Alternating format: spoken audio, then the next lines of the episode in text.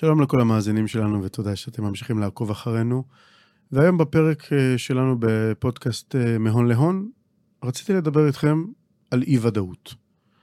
התקופה האחרונה שבה אנחנו חווים אי-ודאות פוליטית, אי-ודאות כלכלית, אה, מחאה ברחובות ואירועים נוספים סביבנו, גורמים בעצם לטלטלה גדולה בשווקים, בין אם במטרה לפגוע בהתנהלות הפוליטית שקורית כיום, ובין אם כתגובת אה, מנע, אם תרצו, לתהליכים הקיימים.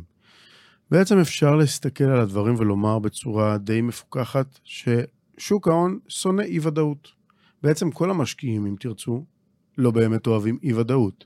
כי אי-הוודאות גורמת לכולנו לחשוב, רגע, האם באמת אני רוצה לשים את הכספים שלי שם? האם באמת ההשקעות שלי שם אה, יניבו לי ערך? וגם אם יניבו ערך, האם אוכל למשוך את הכספים הללו חזרה ביום שארצה? הסיטואציה שנוצרה בעצם פוגעת בכולנו בכמה אופנים, ולא משנה אם אנחנו מהתומכים או מהמתנגדים. בסך המשק הישראלי, אי-הוודאות נמצאת כרגע בפגיעה יחסית משמעותית. הפודקאסט הזה כמובן אה, יישמע אולי במועדים אה, שונים ומשונים, אבל בעת מועד ההקלטה, אנחנו נמצאים ממש בתחילת אוגוסט 2023, ישנו פער משמעותי בין השוק המקומי לשווקים בחו"ל, שעומד על קרוב ל-15% בין המדדים המובילים בישראל, תל אביב 35 ותל אביב 125, אל מול המקבילים בעולם, בין אם זה ה-S&P 500, הדקס הגרמני, הקק הצרפתי והפוצי הבריטי, וכמובן עוד אה, מדדים נוספים שנמצאים בעלייה בסך הכל מתחילת השנה, כאשר אנחנו די סביב uh, המחירים של תחילת השנה, עם טלטלה די גדולה, עם uh, פיחות משמעותי בשקל מול סל המטבעות. אפשר לומר שמרבית הסיבה לאירועים הללו היא האי-הוודאות. אי-הוודאות הזו גורמת בעצם למשקיעים קיימים למשוך ולהוציא כספים לחו"ל, ולכאלו חדשים להימנע מהעברת כספים חדשים לארץ. בין היתר אנחנו שומעים על תופעות לוואי כמו אה, אזרחים ישראלים שמוציאים כספים לחו"ל, על כאלה שמעודדים וחושבים על רילוקיישן ועוד ועוד. בעצם אפשר להבין שאי הוודאות הזו היא הפער המשמעותי שנגרם בעצם בין השווקים. כאשר אני כמשקיע זר, אמריקאי, בריטי, צרפתי או אה, סיני, שוקל להשקיע בישראל, ייתכן ואני אחשוב פעמיים כל עוד נמצאת מחאה ברחובות וכל עוד יש אי הסכמה על אה, אירועים ממשלתיים ופוליטיים כאלה ואחרים, כי בעצם כל האירוע הזה הוא אי ודאות אחד גדול. איך הוא יסתיים, האם הוא יסתיים, ואת הדוגמה הכי טובה ראינו באמת ביום החקיקה של אה, עילת הסבירות. ממש עד לשעות הצהריים, רגע לפני אה, העברת החוק לביטול עילת הסבירות, השווקים עדיין עלו. עלו, השקל אה, התחזק אל מול סל המטבעות, וממש ברגע ההצבעה, כאילו אה, ירד גרזן על השוק, והאירועים השתנו כלפי מטה. בעצם אי הוודאות חזרה, אה, היה ברור שתהיה תגובה של מחאה גדולה, ושוב, חוזרים למחאה ברחובות ולאי ודאות חוזרת בעצם, והנה אנחנו חוזרים לירידות ולטלטלה ולתנודתיות משמעותית. אפשר לומר שהשיח הזה סביב אה, הצבעה בהסכמה או רפורמה בהסכמה רחבה, היא לא רק טובה לנו ברמה הפוליטית או רק ברמה הפילוסופית או אפילו המדינית, הפנים-מדינית והחוץ-מדינית. היא טובה לנו לא פחות ואולי אפילו יותר ברמה הכלכלית.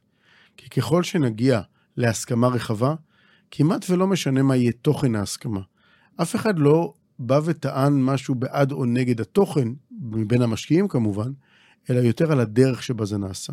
כי אם היינו מגיעים להצבעה הזו בהסכמה רחבה, אני חושב שהחשש הגדול, בין אם זה של סוכניות הדירוג, המשקיעים הזרים, הפוליטיקאים הזרים, אה, וכל העיתונות הכלכלית כמובן, הייתה שוכחת לאט לאט לאט. בעצם אי הוודאות הזו, אנחנו מוצאים את עצמנו בעלייה משמעותית בחשש, בתנודתיות ובעצם בתגובות המשקיעים, שבין היתר מוציאים גם כספים למקומות אחרים מחוץ לישראל. הדבר הזה כמובן כלכלית לא טוב לנו. כך שאפשר בהחלט לומר בצורה די ודאית שברמה הכלכלית, הסכמה רחבה טובה לכלכלה. תוכן ההסכמה צריך שיהיה מוסכם באמת ולא יהיה כפוי של צד אחד על השני. אבל כן, להסכמה הרחבה הזו יש מחיר כלכלי משמעותי, ואפשר יהיה לראות אותו בכיס שלנו ממש ממש מהר.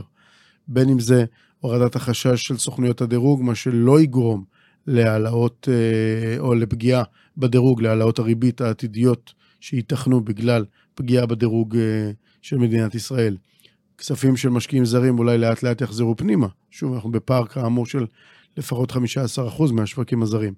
ובעצם החזרה לוודאות תעזור לנו לחזור להיות משק אחיד, חזק, משגשג, עם כיוון מאוד מאוד ברור.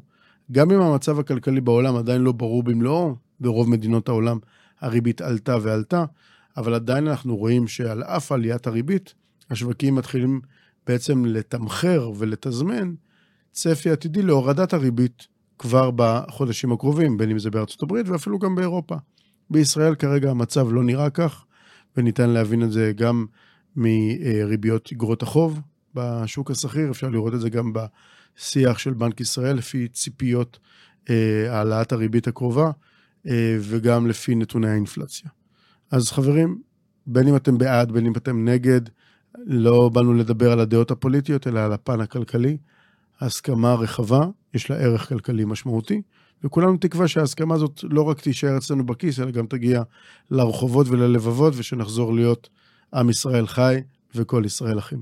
תודה רבה לכם על ההאזנה, ותמשיכו לעקוב אחרינו לפרקים הבאים.